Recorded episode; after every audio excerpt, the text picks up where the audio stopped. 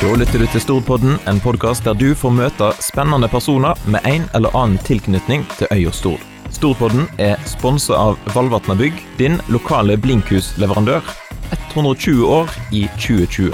Podkasten blir produsert av Kjetil Fyllingen i samarbeid med Sunnhordland, de lokal avis. I dag så har jeg fått besøk her i studio av ei som kanskje baker de aller, aller beste kardemommesnurrene her på Stord. Iallfall er det de beste som jeg har smakt, og da er det jeg Berit Hovsa, du som er bakeren i Roleghaugen, stemmer ikke det? Jo, det stemmer. Ja, jeg sa det rett, det er kanel... eller nei, kardemommesnurre. Ja, Jeg går litt i surr, hva er forskjellen på kanelsnurr og kardemommesnurr? Det er jo ingrediensen. Eller, det er en, eh, forskjell på ingrediensen. Eh, Kardemommesnurrer, da var vel Første gang jeg smakte det, så tenkte jeg åh, dette var en utrolig tøff smak. Så jeg har liksom bare hatt kardemommesnurrer med meg lenge. Og når jeg begynte å bake det i bakeriet, så ble det en, en hit. Ja, det tror jeg vi kan trygt si.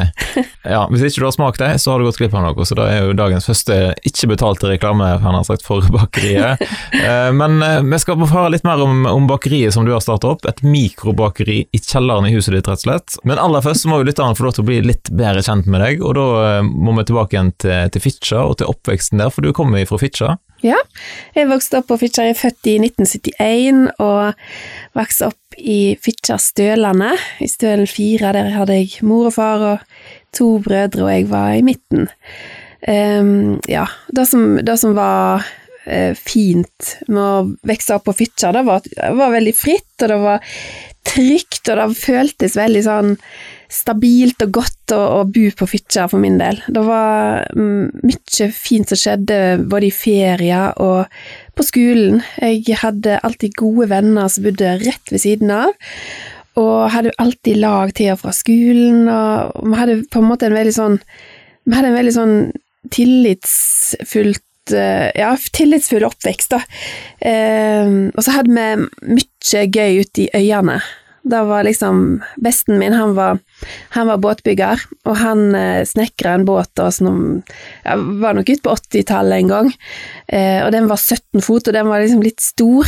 Så når jeg hadde, fikk lov å bruke den, da, så hadde vi alltid mye kjekt i den båten. Vi fiska, vi tok med oss telt ut i øyene og sov ute på Smeholmen, og vi ja, vi var ofte, hvis det var fint vær, så tok vi, tok vi bensin i den røde tanken og tok på Svitun-syklene våre, og da var vi sånn rundt 10-12 år.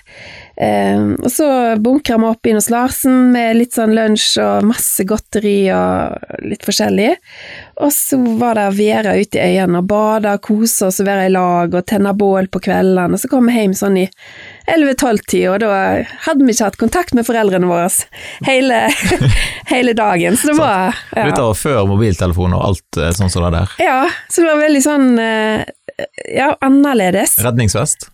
Ja, vi hadde det jo på sykkelen, eh, Ja. men ikke, ikke sjelden, det var ikke så veldig tøft å bruke det. Så hadde du liksom veldig sånn På Fitjar så var ikke alle, alle disse her ja, alle grunnene, det var ikke så godt merka, så det hendte ofte at vi gikk på grunn og sånn, og da var det liksom å hive seg uti og så løfte båten av.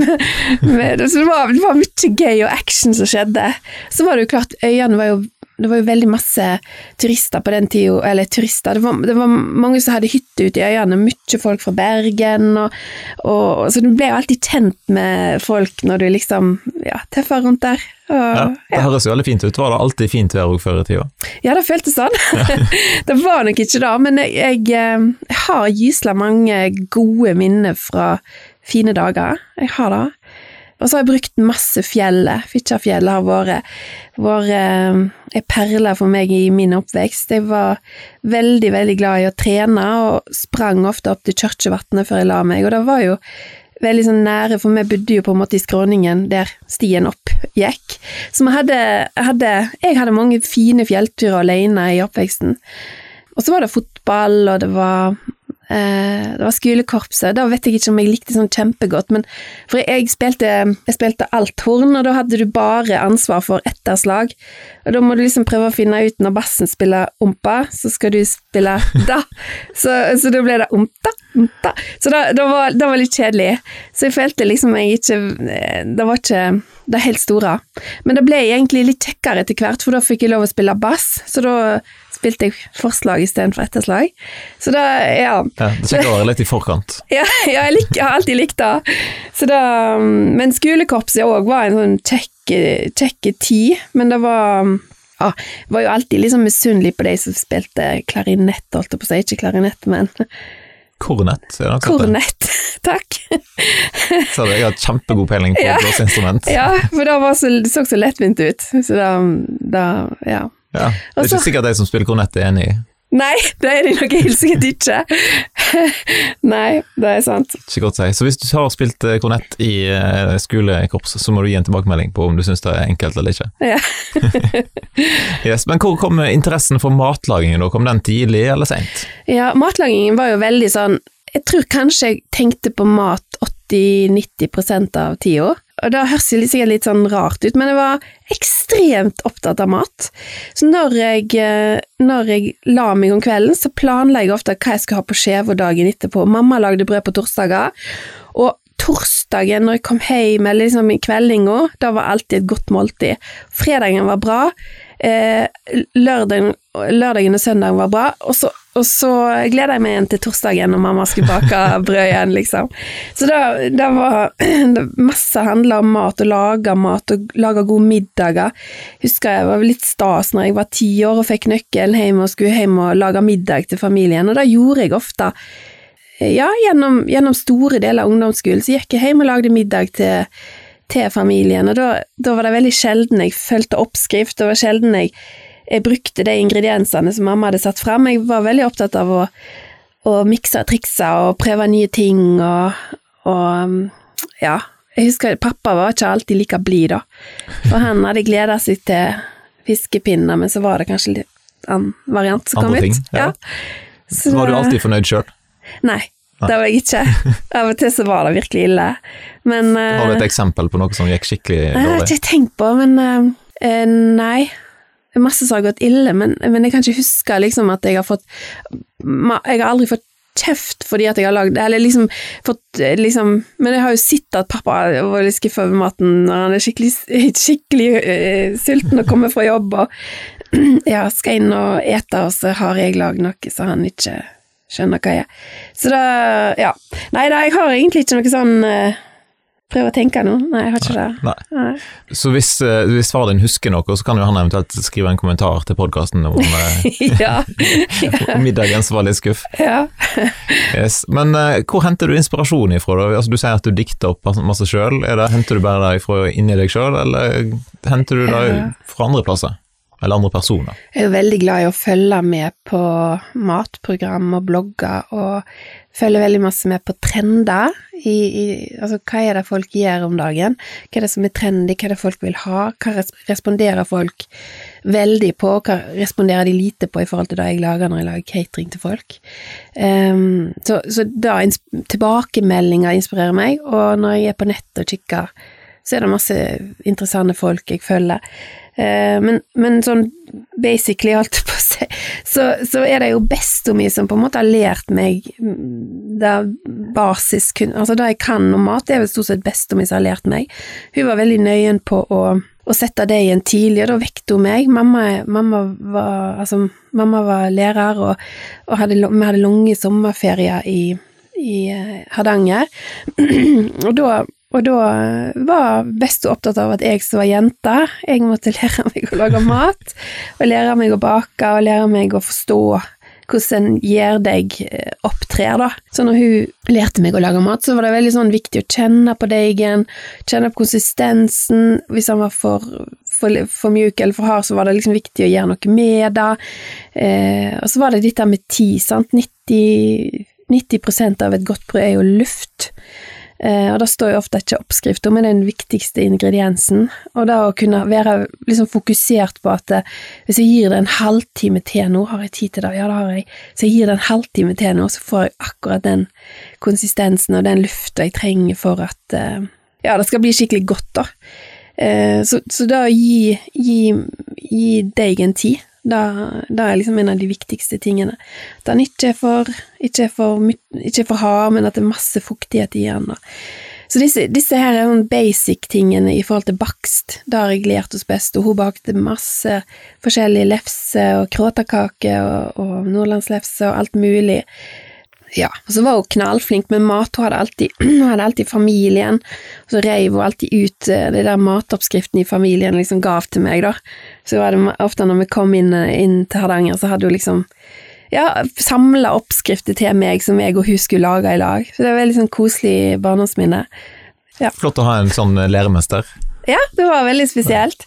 Og mye av det, ofte når jeg lager ting nå i bakeriet, så er det ofte sånn jeg tenker på ja, hvordan ville mormor, bestemor, gjort dette, og hva ville hun sagt, og, og mange av oppskriftene jeg har, det er jo sånne ting som jeg husker fra hun hun, ehm, så, så, mye av det jeg gjør, er jo sånn Det er veldig sånn takknemlighet da, til bestemor mi som har ehm, ja, øh, brukt tid på å lære meg disse tingene, selv om hun var streng og, og, og, og sånn.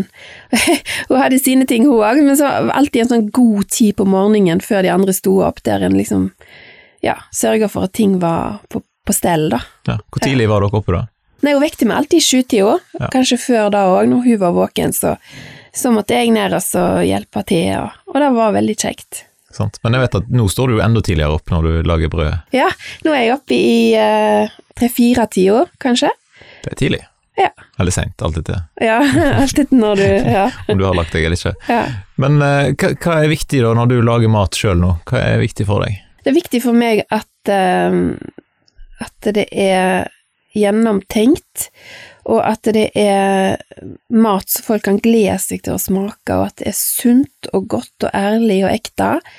Jeg var nok ikke sånn kjempeopptatt av økologisk mat tidligere, men etter hvert som jeg har begynt å bruke mer og mer økologisk mjøl og andre ting, så ser jeg jo at det har en helt unik kvalitet og smak og, og konsistens og ja, det det, det er, viktig med gode råvarer og gode produkt. Jeg får det meste av mjølet mitt fra Holly mølle, og da er jeg kun økologiske produkt. Da, og det blir jo en vane, sant. Så du, du men for noen år siden så starta du opp brønsjeriet bransjeriet på Bytunet på Lærvik. Da vil jeg tro at eh, noen av de som lytter kanskje husker at de var innom der og spiste en god blings eh, til lunsj, kanskje. Det vet jeg at jeg gjorde. Men så etter noen år så, så la dere ned. Men fortell litt om hvordan det var å starte opp bransjeriet. Bransjeriet var jo en sånn, en sånn litt sånn uh, føregangs...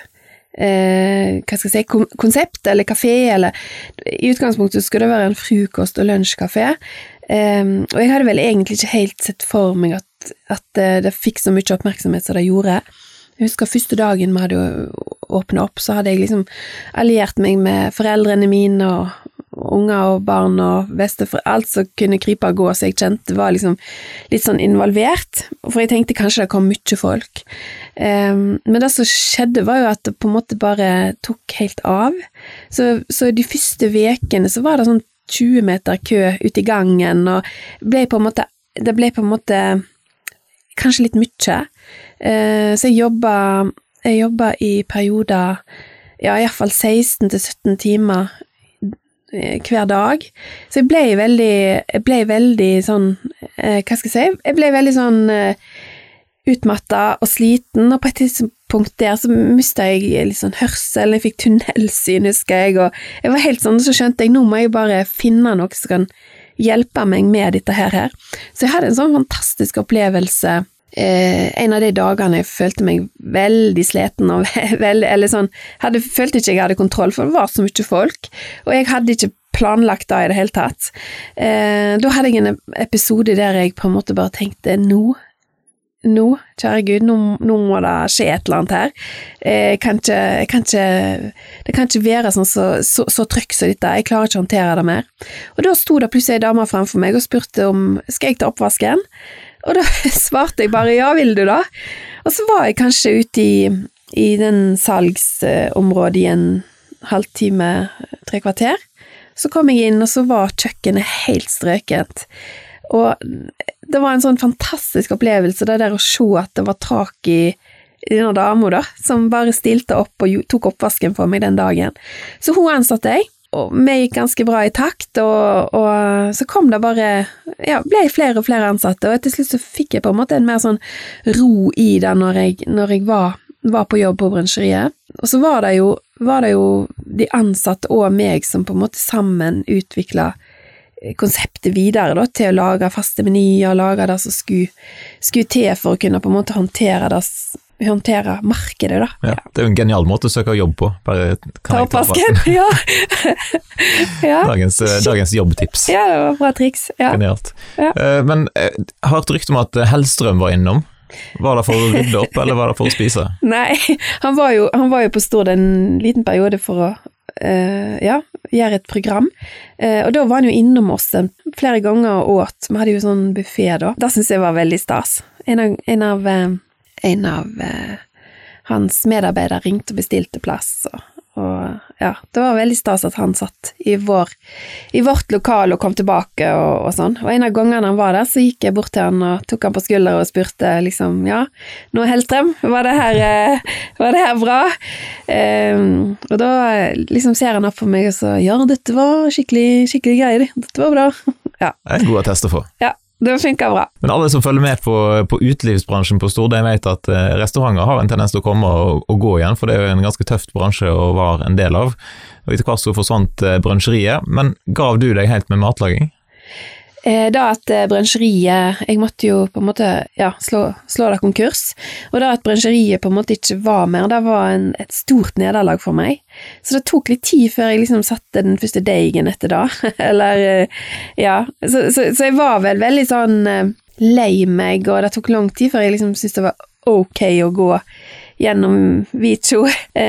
Så, det, så det var noen år der som var tunge, men etter hvert så, så på en måte, ja, ting Du lærer masse når livet går deg imot, og, og da å på en måte ta med seg de gode tingene du hadde lært, og så lære selvfølgelig av de tingene som var vanskelig, og, og dumme og dine egne feil du har gjort, da er jo, det er jo et privilegium som, som eh, egentlig er unna alle, å gjøre litt feil, og gjør Ja, og, og da på en måte gå konkurs, da vite at du skylder noen penger, det er forferdelig ubehagelig. Du, ja, det tror jeg på. Ja, så, det, så, for meg var det der å gå konkurs ikke kjekt, og, og, eller det var ikke, det var ikke greit.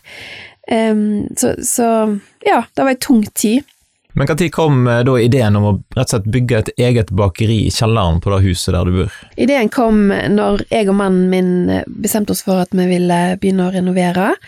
Så gikk vi gjennom kjelleren, og så ser vi at kjelleren er jo totalt ubrukt, og vi har en veldig sentral beliggenhet, helt nærme sykehuset med eh, ja, mange folk som går tur forbi, og så, så, har jo jeg alltid likt å lage mat, og har, har egentlig alltid hatt eh, ja, alltid hatt litt sånn oppdrag, småoppdrag i forhold til catering. Eh, og vi trengte et produksjonskjøkken, og jeg sa at eh, jeg har så lyst til å bare ta en liten, bitte liten del, og så ha et lite ja, produksjon, eh, produksjonskjøkken. Og så ble det egentlig bare større og større. Baller på seg. Ja. Det er ofte sånn når du pusser opp. Ja, I know the feeling. Nei, men, men det, ble veldig, det, ble veldig, sånn at det ene rommet tok det andre, og så ble det til et lite bakeri. Vi hadde veldig lyst på en vedfyrt ovn, og så ble den veldig mye større enn vi kanskje hadde tenkt, og så, og så balla det på seg. Og nå, nå har vi cirka ja, 50 kvadrat som, som vi har til produksjonslokale og, og, og bakeri, og nå legger vi til ca ja, 15 kvadrat, ett rom til, til produksjon, fordi at det har gått så bra med, med bakeriet. Ja, bygger dere på, rett og slett? Eller? Bygger jo ikke på huset, men vi, vi, tar ett til et sånt, sånn kjellerrom til produksjon. Vi bor i et sånt uh, ja, sånn skikkelig sånn kneiprehus fra 70-tallet, med bare innreda stove og kjøkken og soverom oppe.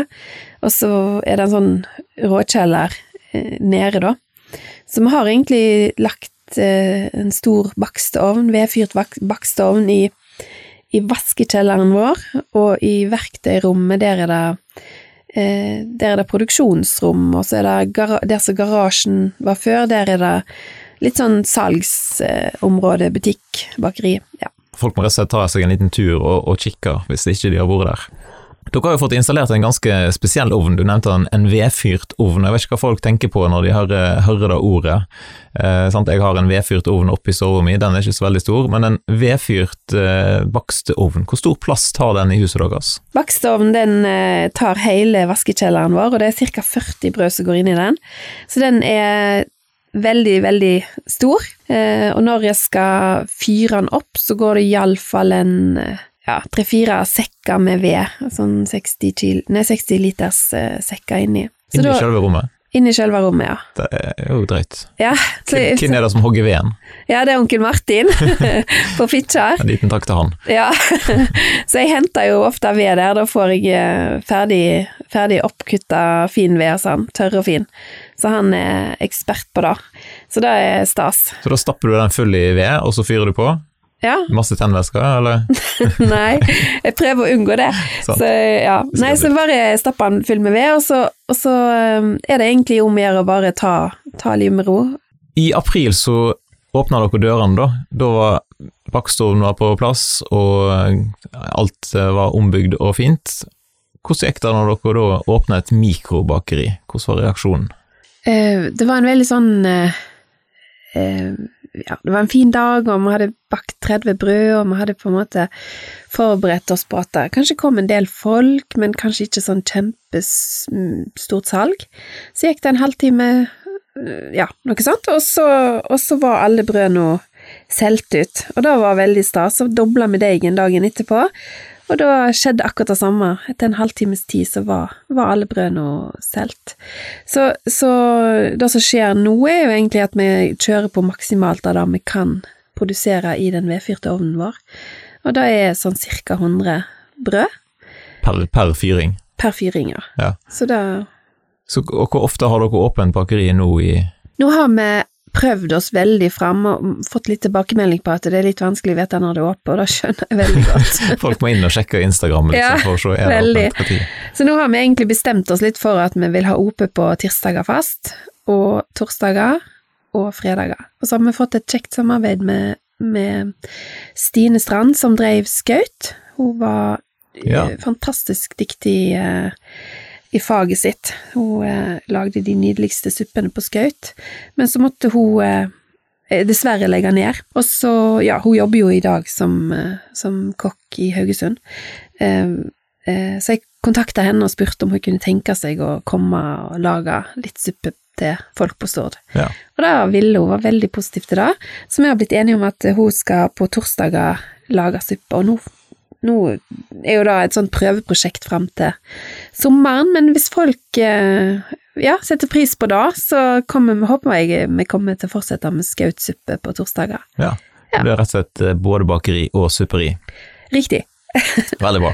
Men dette med at folk ikke alltid syns det er lett å vite om dere har åpent eller ikke, da. Dere har jo funnet en litt sånn genial måte å selge brød på som iallfall ikke jeg har hørt om at andre har gjort. Du må fortelle litt om den. Ja, men det var, var vel egentlig jeg som så at uh, noen som hadde en sånn der uh, Vipps-kasse der de la ut uh, brød og solgte, eh, og da var det litt sånn rester etter dagens bakst som ikke ble solgt, så solgte de det ut. Så tenkte jeg da der, da er jo knakende smart, for da kan jeg lage, sette ut en kasse akkurat tid som helst. Og det har jeg egentlig gjort, og eh, Fram til nå så har det vært kjempesuksess. Det er utrolig mange naboer som setter veldig pris på den såkalte Vipps-kassen. Så det de gjør, det er at de eh, kommer syklende eller gående eller kjørende, og så tar de med seg to-tre brød, og så betaler de på Vipps. Og da får de ferskbrød hele dagen. Jeg setter ofte første, første steiken går i ovnen i ti-tida, og så ja, steker jeg litt utover dagen, sånn at det er varme, gode brød på ettermiddagen òg når folk kommer hjem fra jobb. Det er jo genialt. Jeg tenker boligprisene i området rundt dere må jo ha gått opp eh, etter at dere starta. Ja, kanskje da. Nei, Nei men men det er, et eller annet, det er et eller annet med det der at eh, i et samfunn der en kan gå til en Vipps-kasse og, og, og ta med seg ferske brød, og det er så masse tillit til at folk eh, faktisk betaler på, på VIPS. Jeg tenker da da er med på å farge samfunnet vårt litt. Det er der at det, det fortsatt går an å, å, å gjøre det. Jeg husker jo når jeg var liten og vi kjørte langs Hardangerfjorden, det er jo sikkert ennå da, men, men eh, da var det jo penger, folk la igjen penger i kassene, i, i bærkassene og plommekassene langs fjorden, og kjøpte og tok med seg, og det er jo fantastisk fin ting. Jeg husker jeg var imponert over det. Så det er en sånn ja, jeg liker, jeg liker ideen om det, og folk liker òg veldig godt ideen om det. Og så har jo mange litt eldre som kanskje ikke har VIPs, så de banker på glass, glaset og, og, og, spør om å få betale med, med penger, og det går fint så lenge jeg er der. Så Sant. Det er jo genialt. Ja. Så har jeg òg sett noen ganger at dere legger ut på Instagram og på Facebook om, om folk ikke har råd til å betale full pris, så, så har dere noen spesialgreier der. Ja. Kan du si noe om det? Men jeg bare syns det er viktig at alle som har lyst til å smake brød, kan få lov til det. Og da, da er det litt ok å gi et lite hint om at uh, en har lyst til det. Så de dagene jeg har, har uh, bakt for mye, og det er masse rester, så pleier jeg ofte å ha ei lita liste, så jeg sender ut noen SMS-er til folk som, som eh, ja, trenger brød. Ja. Så da, da har de muligheten til å velge om de vil komme og hente brød eller ikke. Eh, og det er ikke noe Jeg trenger ikke vite om, om folk har midler eller ikke. Hele hensikten er at det skal være litt tilgjengelig for alle. Ja. ja det er jo ganske snilt gjort. Ja, ja det, jeg vet ikke om det Ja, det er en fin måte å Ja, Litt hjertelag, iallfall. Ja, takk for det. ja, det er bra. Eh, hva, I tillegg til da, å bake eh, gode brød og boller, så har, og supper ikke minst, har vi jo snakket om nå. Eh, har du, jeg har sett at du har kurs noen ganger? Ja, vi har hatt litt uh, surdeigsbrødkurs og pizzakurs. Og da har jeg invitert inn ulike kursholdere som har uh, ja, undervist, og vi har bakt i lag, og vi har fyrt i ovnen i lag, og ja, hatt det veldig kjekt på disse kursene. Og det er jo noe vi kommer til å fortsette med. Så jeg planlegger at vi skal ha litt sånn matglad-kurs med lettere matglede. Det er jo et kurs som er litt fokus på litt, litt ja, sunn og lettere mat. Og så kommer vi til å kjøre litt surdeigsbrødkurs framover, samtidig som vi vi òg skal ha åpent bakeri, så vi må på en måte ikke ha for mye kurs heller. det er jo begrensa hva som går i løpet av en dag, sikkert. Ja, det er det. Inne i lokalet. Kapasiteten, ja. Kapasitet var rett og slett et godt ord. Ja. Og så vet jeg at du òg stiller som mentor. Du har vært mentor, eller er mentor for noen som, som er litt i prosessen med å starte for seg sjøl. Ja, jeg liker alltid Motiveres jo av å hjelpe andre, så når noen spør om råd og vink og om jeg kan følge folk opp, så, så gjør jeg gjerne det. Jeg syns det er veldig ok å se at andre lykkes. Det gir veldig ja, det gir en boost. så du er ikke redd for økt konkurranse liksom, i, Nei. i hjemme mikrobakeri i verden? Nei, det tror ikke jeg. Jeg tror at det er plass til mange. Vi har jo, vi har jo flere aktører på Stord og på Memlo, så det, det er mange som tilbyr markedet litt sånn mikroting. Mikromat. mm. Hva andre ting drømmer du om nå da framover? tida som kommer? Har du noen Finere vær, så ler regn. Nei, jeg vet ikke om jeg har noen sånne svære, digre, hårete planer nå. Altså, det hadde vært kjekt hvis vi kunne fått uh, til å bygge ut uh, det vi planlegger. Tenkte du på noe spesielt, siden du spør? Nei, jeg gjorde ikke det egentlig. Jeg bare tenkte Nei. du har jo masse spennende på gang. Ja, det har jeg. Jeg uh, holder på med en cateringmeny. Til fram til nå, så har når folk har trengt catering, så har, har jeg lagd sånn ja, kundetilpassa meny, men nå eh, planlegger jeg å legge ut en, eh, en meny på nettsida vår, sånn at det går an å plukke litt. Og så planlegger jeg at jeg kanskje skal ansette noen som kan hjelpe meg litt. Så hvis noen har lyst til å komme til oppvasken? Ja, så står oppvasken der. Den første som kom, førstemann til mølla. det var lurt. Ja. ja, men spennende. Så er det jo sånn i Storpodden at vi er opptatt av å framsnakke det som er bra med Stord, og trekke fram noen personer personer, plasser og positive opplevelser. Så jeg, jeg vet jo at du har lytta til Storpodden før, så det kommer jo ikke som et eh, sjokk for deg, kanskje. Men har du en person som, eh, som du har lyst til å framsnakke i dag? Ja, det har jeg. Jeg har eh, Ofte når jeg har litt eh, ekstra brød igjen, så putter jeg det i en kasse og så stikker jeg ned på Hamna. Eh, og Hamna da er et fantastisk bra tiltak som Stord kommune står i bresjen for. De har i disse dager nett flytta opp til Hvitstentunet. Det holdt til nede i Borgata før. Og inne på Hvitstentunet så er det jo utrolig flott blitt. Og de som jobber der, de har en fantastisk evne til å romme og favne. Så det er Guri Refik, som, som er min barndomsvenninne, hun jobber der.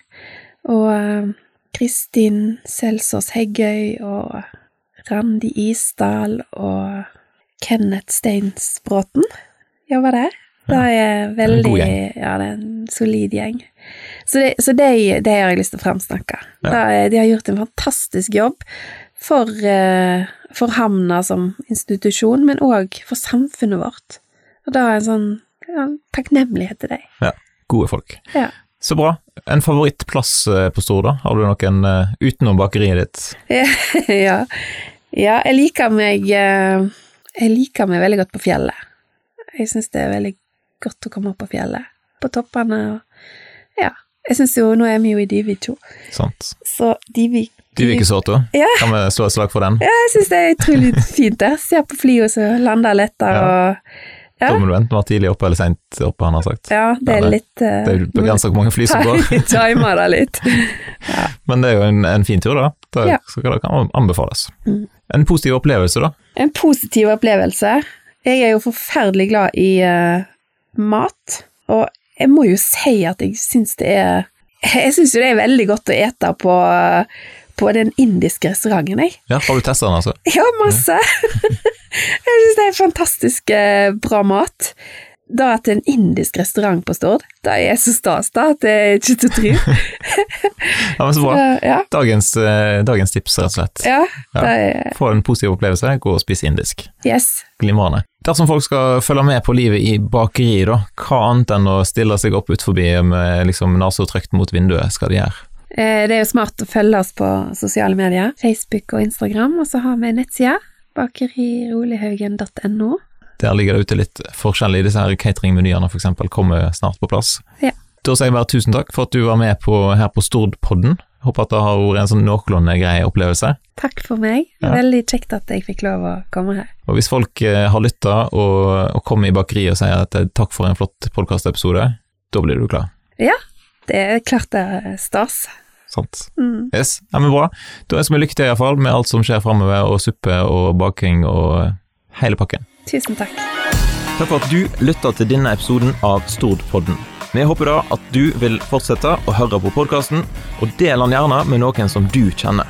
Og Har du innspill til hvem vi skal intervjue i Stordpodden, da er det bare å ta kontakt på redaksjonen sunnhordland.no. Stordpodden er sponsa av Valvatna Bygg, din lokale blinkhusleverandør, 120 år i 2020. Og helt til slutt, du er sannsynligvis abonnent på Sunnhordland allerede, men dersom du ikke er det, da kan du gå til sunnhordland.no og teste ut avisa i fem uker for fem kroner.